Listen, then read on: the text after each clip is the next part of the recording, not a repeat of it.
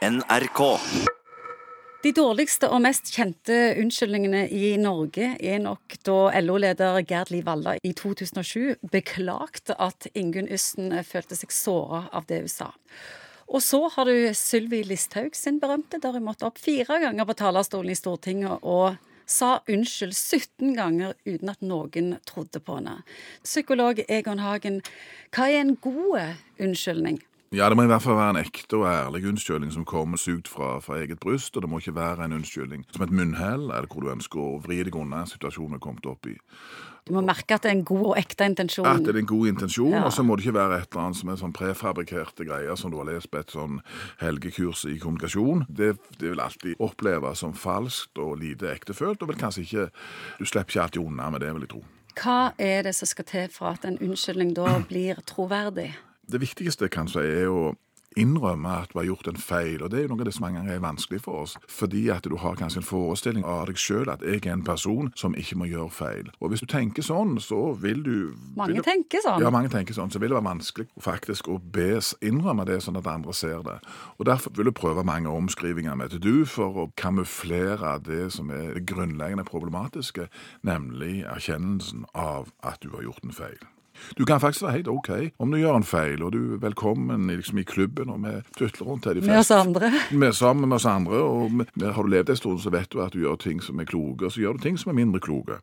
Og alle kan vi trø feil, eller det kan komme ut feil, eller det blir sagt på en feil måte. Og hvis du innrømmer det, så er det noe gjenkjennelig, og det er egentlig bare styrker din egen kredibilitet. Unngå det kommunikasjonsspråket. altså. Vi har jo hørt det noen ganger politikere er inne her og får spørsmål fra dere fra NRK, og så kommer hele programmet opp, for det har de lært på et eller annet kurs, at uansett hva spørsmål du får, så må du for guds skyld si det som står i programmet. Og vi som lyttere, vi merker jo det. Svar på spørsmålet fra svarte, sant? Altså forhold deg til det som faktisk skjer i det rommet. Hvorfor er det så mange som har vondt for å be om unnskyldning?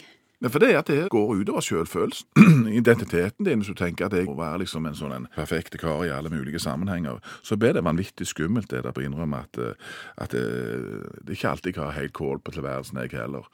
Og jeg kan si ting som er ugjennomtenkte, som jeg ikke så konsekvensen av. Og det verste av alt er jo når altså folk som eksempel i, i offentligheten, de må jo ha anledning til å endre oppfatning etter hvert som saken blir opplyst. Og det må jo være lov. Det er ikke et uttrykk for svakhet det at du reforhandler litt ditt eget ståsted i forhold til deg sjøl, fordi at det kommer nye argumenter inn i bildet. Så det å prøve liksom insistere på at jeg har ment det samme hele livet, er heller ikke spesielt lurt. Hva er kraften i en god unnskyldning, da? Du kan trykke denne tripptelleren relasjonelt, du kan starte litt på nytt igjen. Hvis den som da eh, mottar den unnskyldningen faktisk opplever at dette er ektefølt. Det gir en invitasjon til oss å si ok, kan vi sette en parentes om det som nå skjedde, og gå videre.